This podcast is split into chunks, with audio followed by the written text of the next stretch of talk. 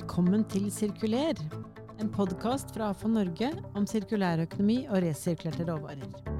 Mitt navn er Nancy Strand, og gjest i dag er Pål Frisvold, som jobber som EU-rådgiver her i AFO Norge, og den andre delen av tiden sin for Sintef i Brussel. Pål Frisvold har jobbet de siste 25 årene med Norges forhold til EU på forskjellige felt.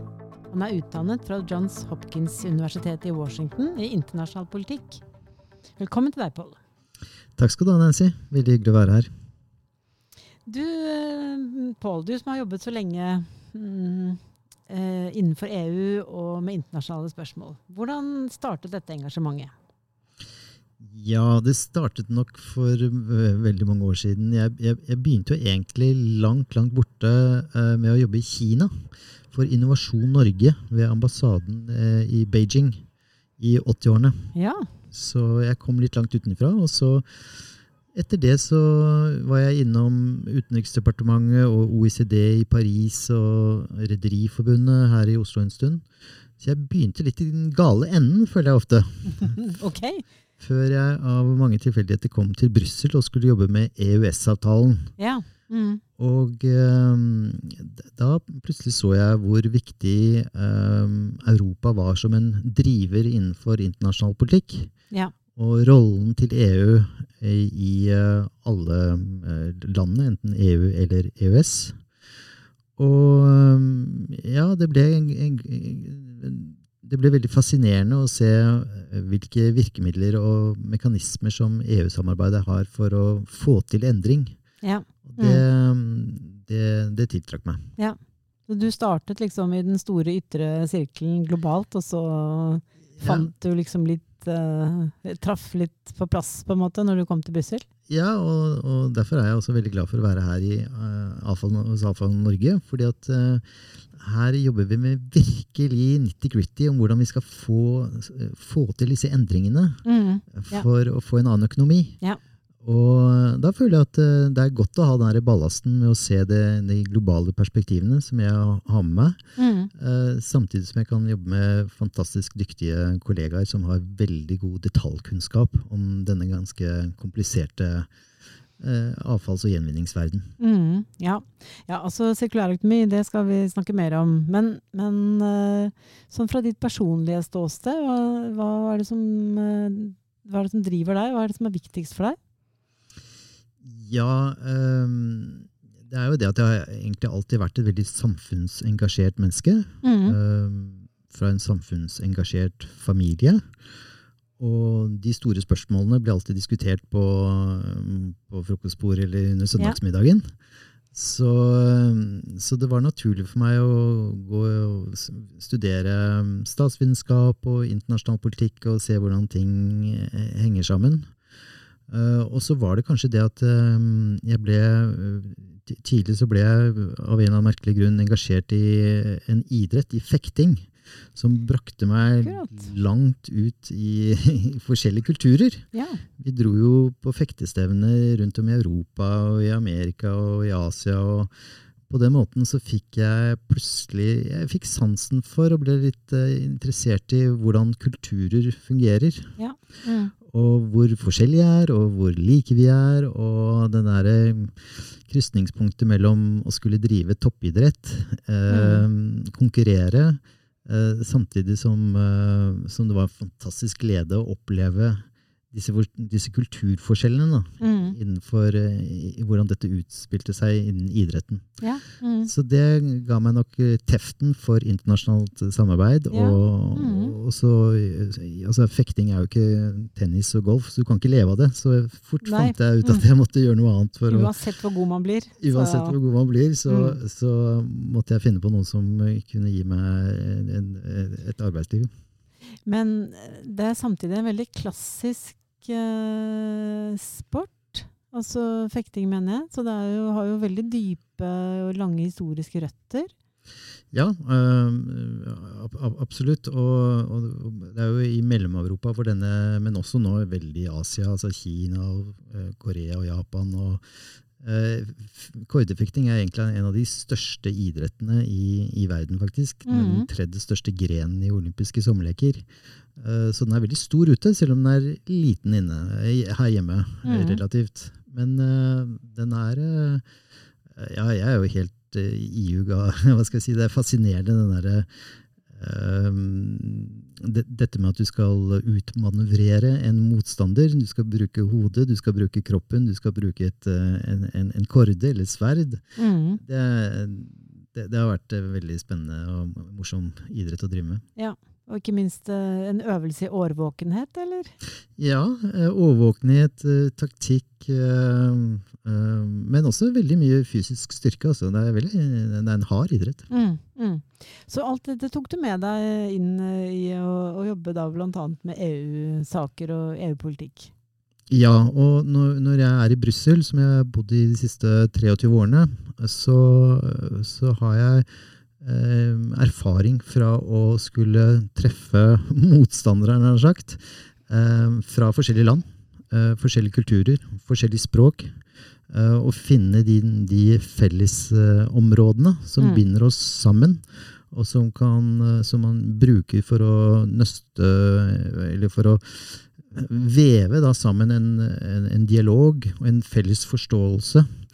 For, som jeg ofte sier, finne de felles løsningene på de felles problemstillingene som vi står overfor. Og da, mm. da altså, Å ha litt erfaring fra å ha vært ute og forstå disse forskjellige kulturene, det tror jeg er viktig. Mm. Um, det er ikke bare i Norge gjør vi sånn, og vi vil gjerne at resten av verden skal gjøre som oss, men vi må begynne i den andre enden. Ja. Mm, mm. Og nå skjer det jo veldig mye om dagen. Så det er jo kanskje Jeg vet ikke, jeg tror det er ett begrep jeg har hørt veldig mange ganger det siste året, og det er green deal.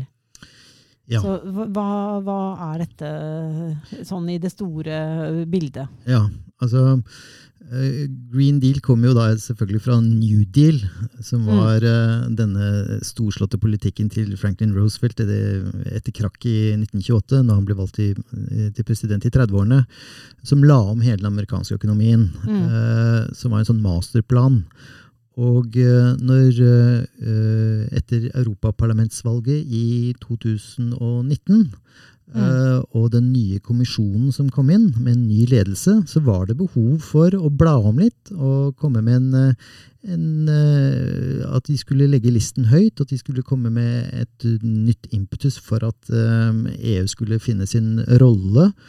Og selvfølgelig ut fra den forståelsen om at nå, nå står vi virkelig overfor en vanskelig situasjon. Mm fordi vi er i 2020. Eh, vi skal eh, nå målene i Parisavtalen, som betyr at Europa må, ha, eh, må, må, må få vekk utslippene, klimagass, men også forurensning, miljøutslipp osv., mm. innen 2050. Mm. Og da trengs det en, en, en, omveltning av økonomien. Og det er jo det Green Deal er. Mm. Altså, jeg sier ofte at når vi snakker om EU og, og i det, denne sammenhengen Green Deal, eh, så, så, er det EUs rolle som en agendasetter. Ja. Eh, mm. Vi ser ofte på EU som eh, regelproblematikk, får jeg ofte høre. Uh, og ja, det er regler som kommer fra EU. I mm. vår EØS-avtale så tar vi over regelverk som vi må gjennomføre i Norge. Mm. Men EU-samarbeidet er så mye mer nå. Ja. Mm. Uh, det er også denne politiske arenaen. Ja. vil ha merke til at skulle Ursula von der Leyen bli innsatt som kommisjonspresident, så måtte hun vinne et flertall blant europaparlamentarikerne. Mm. Og de satte som krav at uh, Europa trenger en grønn giv, eller en green deal. Mm. Mm. Og dermed så Grønn omstilling. Grønn omstilling. Derfor mm. så så hun at skal jeg klare å, å vinne Europaparlamentets gunst blant disse 750-talls parlamentarikerne, uh, ja, så måtte hun også tilfredsstille de kravene de sto overfor. Mm, mm. Og det kom igjen fra valget i 2019, hvor ja. De Grønne gjorde eh, et veldig godt valg. Ja. Og de store, tradisjonelle partigrupperingene, de konservative og sosialdemokratene, de ble veldig svekket. Mm, ja, og da snakker vi valgene som var foretatt i hvert enkelt EU-land på, Ja, eh, ja på Europaparlamentet. på Europaparlamentet. Eh, Mm, nettopp. Men får dette like stor betydning som New Deal fikk i USA? Ja, det er et godt spørsmål. Det gjenstår selvfølgelig å se. Um, um, ene, ene svaret er at vi har ikke noe valg, vi er, vi er nødt til å lykkes. Eh, Det andre svaret er at vi er helt på begynnelsen. Ja. Fordi, som jeg nevnte, så er jo dette en plan. Um, Det er en powerpoint-presentasjon, på en måte, foreløpig. Mm, Og så skal jo denne gjennomføres og implementeres. mm, mm. Og det er jo det vi begynner på nå. Ja, Ikke ja. sant? Eh, Den har vel eh, eh, den har vel 15-16 sånn store områder, Mm. hvor sirkulærøkonomi er en, en del, som vi skal Mm. snakke om her i dag. Mm, Men den har også jordbrukspolitikk, eh, biomangfold, transportpolitikk, energipolitikk, eh, eh, forurensning, skog, landbruk osv. mm. Um, og um, Det er mye som er koblet sammen her. det er mye som er koblet sammen, og det som er interessant, da, det er at alle disse politikkområdene de dytter i samme retning. Ja. Altså, det var en, en eh, riktignok en fransk politiker, men uh, de er jo ofte svært glad i EU, men det var noen som sa at EU har gått fra å være et fredsprosjekt etter krigen til et økonomiprosjekt når de etablerte det indre markedet og, og tok Mm. inn eh, de tidligere landene fra Sentral- og Øst-Europa, til å bli et klimaprosjekt. Ja. Fordi det er ingen andre saker som står øverst på EUs agenda akkurat nå, enn å nå klimamålene. Mm, Mm. Men å gjøre det på en måte som også da eh, skaper økonomisk vekst og sysselsetting mm. eh, i Europa. Mm, mm. Så, og det som jo har vært uh, veldig spennende å se da, for oss som jobber med avfall og gjenvinning, er jo nettopp at sirkulærøkonomien har fått en sentral plass i den, eh, denne, grønne, denne grønne planen. Ja.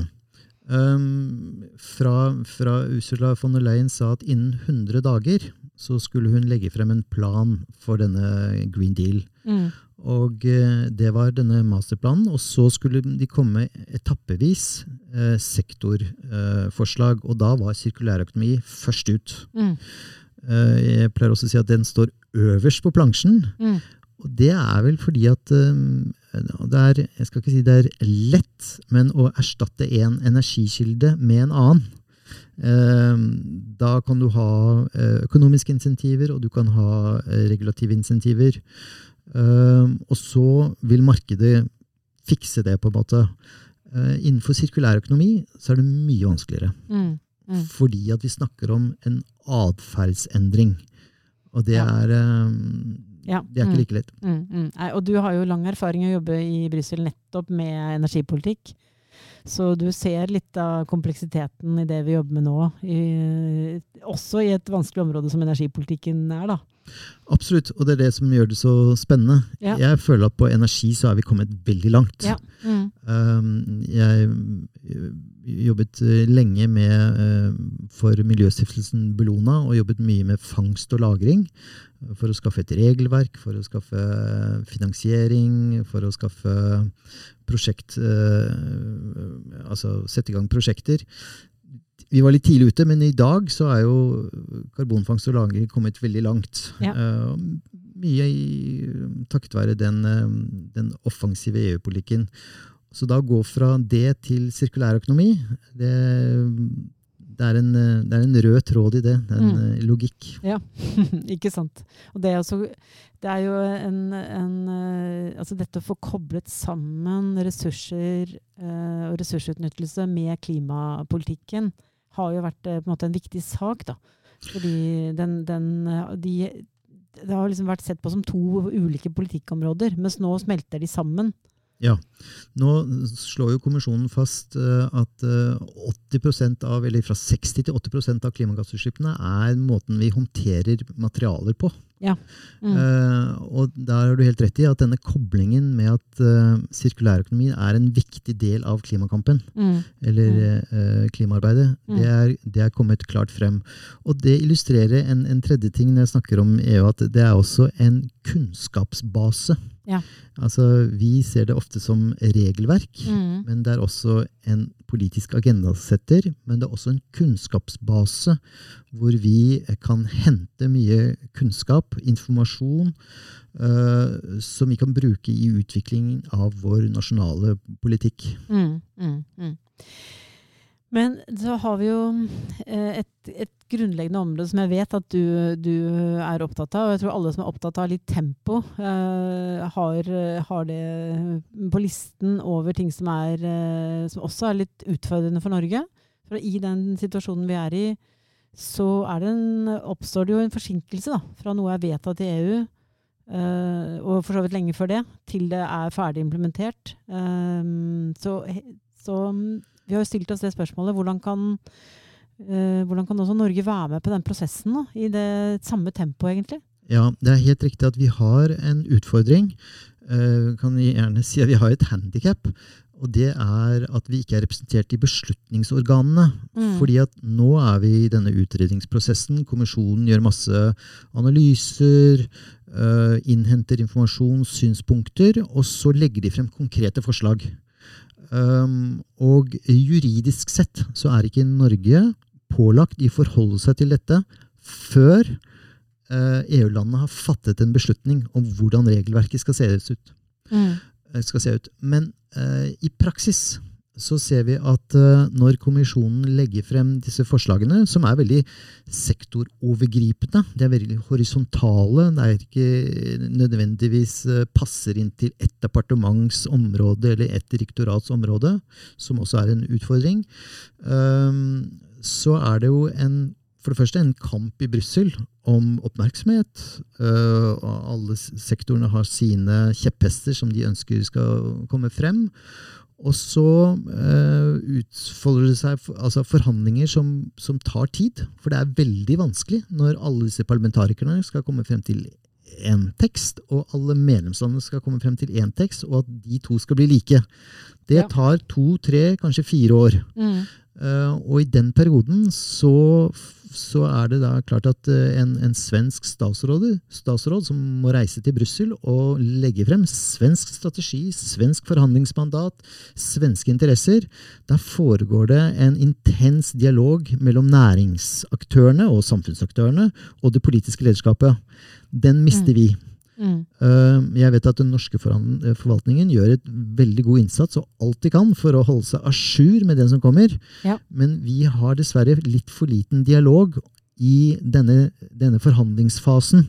Ja. Eh, og det er jo der næringsaktørene har en mulighet til å se hva som er målsetning, skjønne hva som er virkemidlene, Mm. og se konsekvensene av dem for sin egen næring. Ja. Mm. Og Mm. der, der er det vi Altså, min rolle i Avfall Norge, det er å få belyst disse prosessene, eller det som foregår da i Brussel, slik at våre medlemmer de skal være like forberedt som det som kommer, og det som foregår i Brussel, Mm. som sine konkurrenter i Norden og i andre europeiske land. Mm, ja. Og så er det vel kanskje noe med at eh, det også eh, ikke bare sitte og se på, men det er som du sier, skal, vi skal jo bare understreke det. altså Norsk forvaltning gjør en kjempejobb Ja.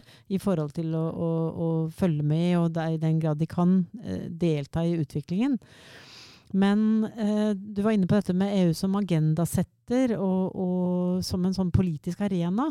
Og der opplever jeg litt at, eh, eh, vi får kanskje ikke opp den politiske debatten som er nettopp med på å, å drive utviklingen fremover. Da. Ja, eh, og, og her igjen så er det selvfølgelig vanskelig å generalisere. eh, generalisere men det kommer litt an på hvilke områder vi snakker om. Men akkurat nå, eksempel, hvis vi tar vår bransje, så kom det litt som lyn fra klar himmel i sommer at eh, EU-landene bestemte seg for å innføre en skatt på ikke-gjenvunnet eh, emballasjeplast. Mm. Eh, ganske høy, 8000 kroner per tonn. Eh, og den eh, skal innføres allerede 1.1 i 2021. Ja. Eh, og det er, det er bare ett eksempel at, at eh, som er, altså EU er som, det er som å titte på en skilpadde. Den eh, rikker ikke noe særlig på seg, men eh, hvis du ser bort en stund og ser tilbake, så har den faktisk forflyttet seg. Ja, ja. Og det går litt i rykk og napp. Og når det skjer ting som eh, covid-19-pandemien, så gjør EU ganske store sprang fremover. Mm. Og det så vi i sommer eh, med dette maratontoppmøtet som varte i fire dager, at eh, en, en av utfallene, konklusjonen fra det møtet, det var at nå uh, må EU kunne finansiere tiltak i, i landene uh, Ja. for å få i gang økonomien. Og uh, de tiltakene må ikke eh, øke gjelden til hvert enkelt land, for det Mm. har de ikke råd til. Og da må EU samlet ta opp en gjeld. Eh, og Det var da 750 milliarder euro, et kjempestort beløp. Men da må de også kunne finansiere og betjene den gjelden sammen. Og der kom plastskatten inn. Ja. Ikke sant? Og det er jo da en av de tingene nå som vi, eh, som vi eh, jobber med. Det er å prøve å se på hvilke konsekvenser har det for vår bransje. Mm. Mm. Hva skjer i, i markedet? Mm. Mm. Eh, Hvordan skal vi forholde oss til denne skatten? Mm. Men er det da sånn at, eh, at eh, For du var inne på at det er jo åpenbart Det er jo mange som har påpekt EU er et relativt tungdrevet uh, maskineri også. Uh, og ting kan, prosesser kan ta lang tid. Men vi har jo nå egentlig flere ganger sett f.eks. dette med engangsplastdirektivet, som også kom Jeg tror det har blitt påpekt som et av de direktivene som har blitt jobbet fram på rekordtid. Absolutt. Så er dette nå et eksempel på at eh, med alvoret i situasjonen og de ganske ambisiøse klimamålene kommer til å drive dette fram i høyere tempo fremover? Ja, jeg, jeg tror nok eh, helt klart at, um, altså at situasjonen er så alvorlig med f.eks. plast i havet, og at det har fått så stor oppmerksomhet eh, i samfunnet, det gjør at eh, EU ser at dette er vi nødt til å ta tak i. Mm. Ellers så gjør vi EU irrelevant for Mm. samfunnet. Og så er det spørsmål eh, som også er veldig opptatt av, det er dette skjæringspunktet mellom hva er nasjonalstatens rolle, og Mm. hva er det europeiske nivået. Ja. Eh, vi har nå snakket om EU som en agendasetter, som eh, en, et, et, et rettssystem, eh, kompetansesenter, men det er også et forvaltningsnivå. Mm. Eh, Mm. og vi har kommune, fylke, stat og det europeiske forvaltningsnivået. Og det, vi ser at de er blitt flinkere, selv om de er blitt veldig mange land, men de er blitt flinkere til å snu seg raskere. Mm. eh, Til å ta tak i og prioritere de viktigste områdene. Og plastdirektivet er et sånt eksempel. Mm, ja, mm, ikke sant. Men jeg har lyst til å bare komme innom et annet begrep som, eh, som jeg har tenkt på må eh, bli veldig avgjørende fremover, og det er det uttrykket som står i bånn av den Green Deal-figuren, og det er just transition. Ja.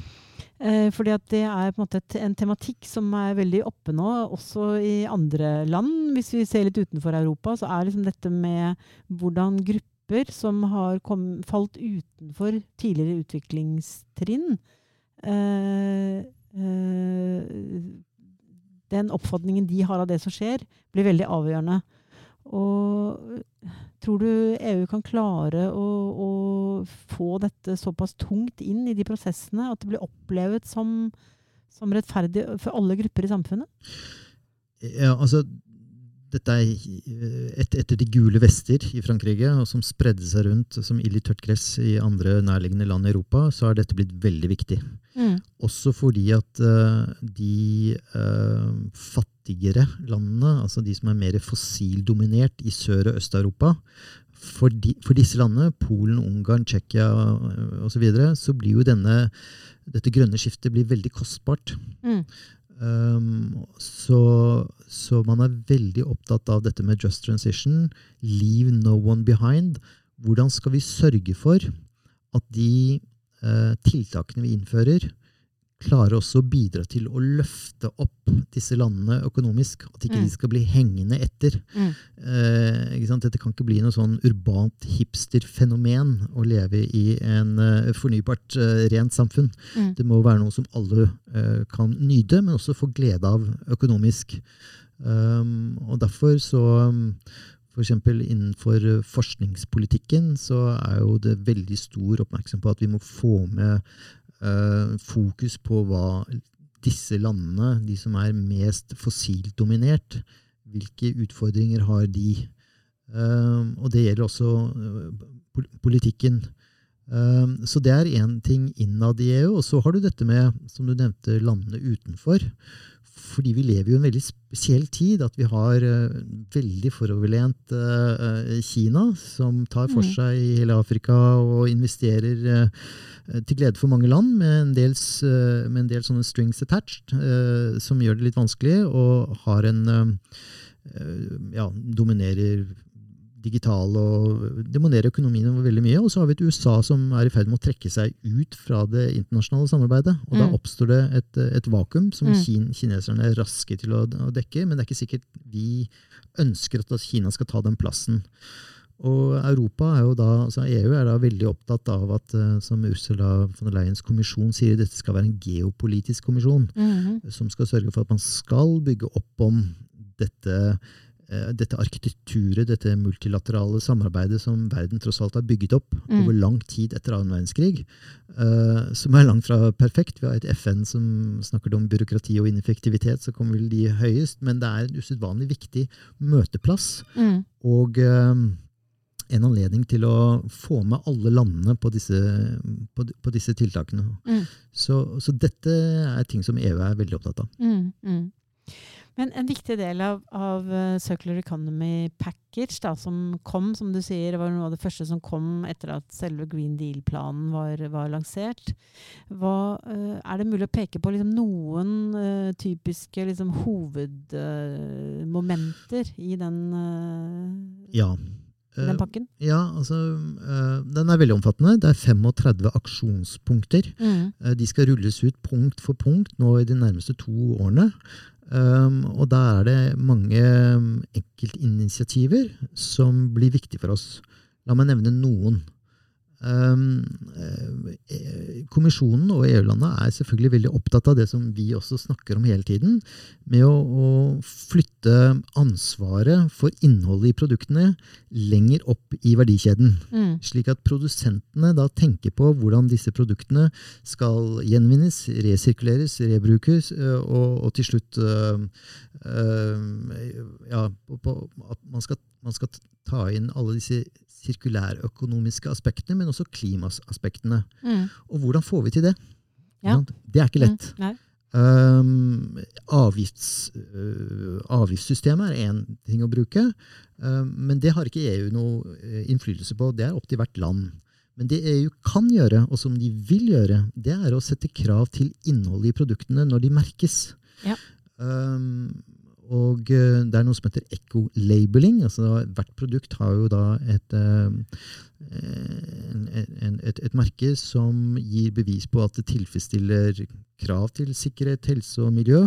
Men der har vi ikke tatt inn sirkulærøkonomiaspekt og klimaaspekter. Så det er en øvelse som skal gjøres nå. Mm. Uh, og du kan si at hvis uh, f.eks. på ta gipsproduksjon, som, eh, som vi, det blir snakket om mye i denne podkasten tidligere, vet mm, jeg. Mm. Uh, hvis EU setter et krav om at 20% av all gipsproduksjon skal være fra resirkulert gips, ja.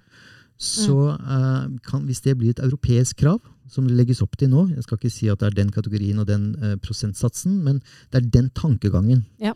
Mm. Uh, og da setter du i gang markedskreftene. Ja. Mm. Og, og, det er jo dette med å, å Sirkulærøkonomi er kompleks, for det er jo økonomiske aktører i verdikjeden som ikke er vant til å snakke sammen. Mm. Som ikke har hatt insentiver for å samarbeide. Mm.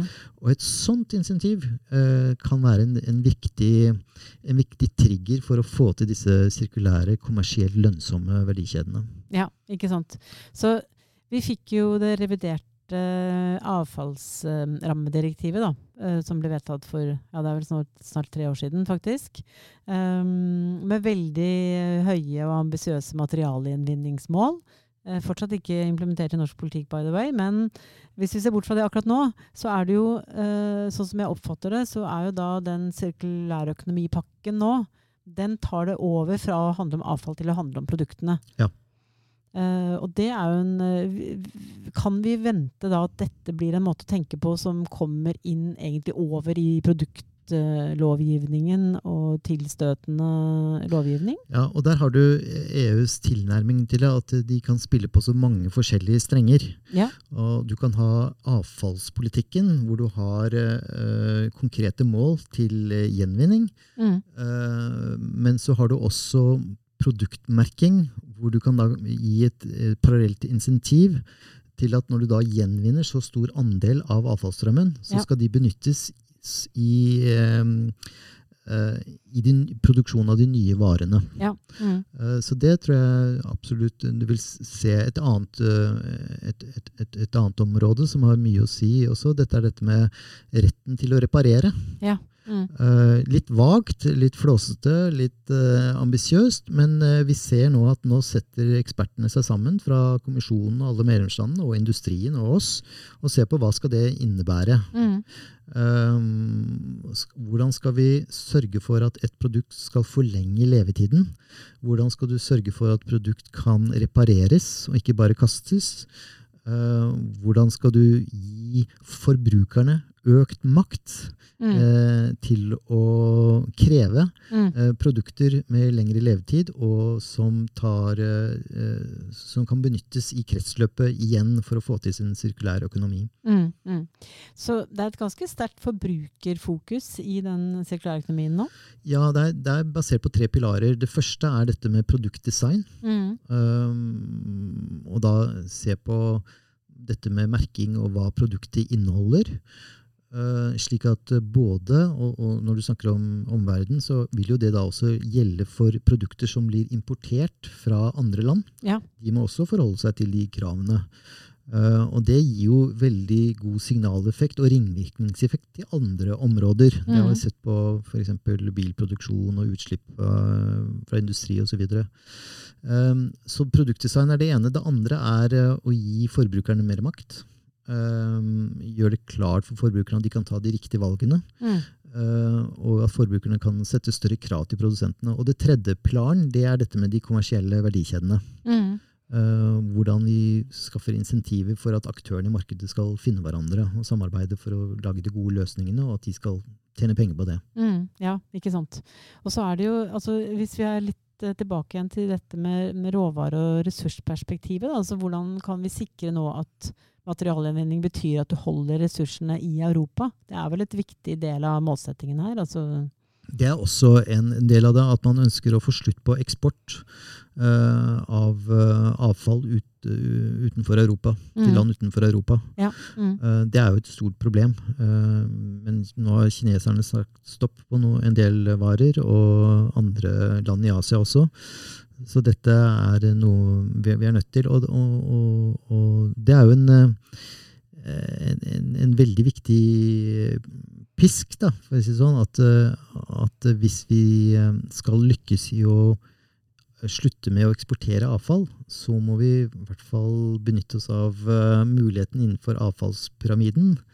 At vi må bli flinkere til å gjenvinne, innsamle og, gjenbruke de råvarene vi kan få ut av avfallsstrømmen. Mm, mm, ja.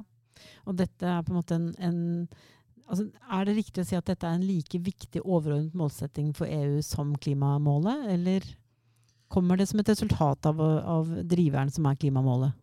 Nei, jeg tror at uh, jeg tror at sirkulærøkonomien øh, står godt på egne ben Mm. som en, uh, en veldig viktig øh, politisk målsetning. Mm. Um, det er blitt snakket lenge om sirkulærøkonomi i EU. Ja. Um, det er blitt, men, men det har ikke blitt løftet så høyt på den politiske agendaen. Og det har jo selvfølgelig en sammenheng med både klimakrisen Mm. og eh, at eh, kloden kan ikke bære en lineær økonomi lenger. Vi har Mm. ikke kapasitet til å takle. Nei, eh, og det ser vi med plasten i havet. Mm. Eh, og alle disse negative effektene blir nå mye mer synlige. Og at vi har en ny generasjon av eh, altså Greta Thunberg-generasjon også på andre områder, som er Ja. veldig opptatt av at vi må, nå må vi bruke Da må vi ta vare på kloden, og nå må vi endre atferden. Mm, mm. Er dette så entydig at det står en, måte, at det er en felles politisk kraft bak? Eh, også litt uavhengig av om du kommer fra en grønn politisk eh, retning eller ikke?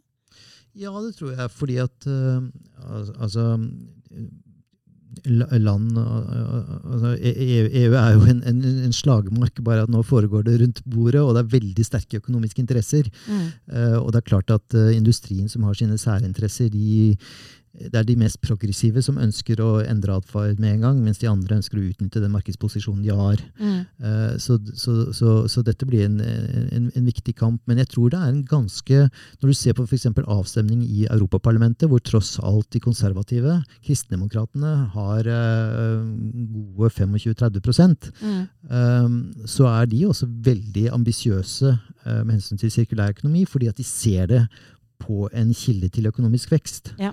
Mm. det er ikke bare dårlige nyheter, tiltak uh, som, som, legger bånd på industrien, men det er faktisk uh, en metode for å skape en ny, men annerledes økonomisk vekst. Ja. Så, så, jeg tror den er ganske tverrpolitisk oppslutning til. Selv om igjen, det, blir mange, det kommer til å stå mange slag her. Altså, for ja. det, er, det, er, vanskelig å få til, og mange særinteresser. Mm, mm.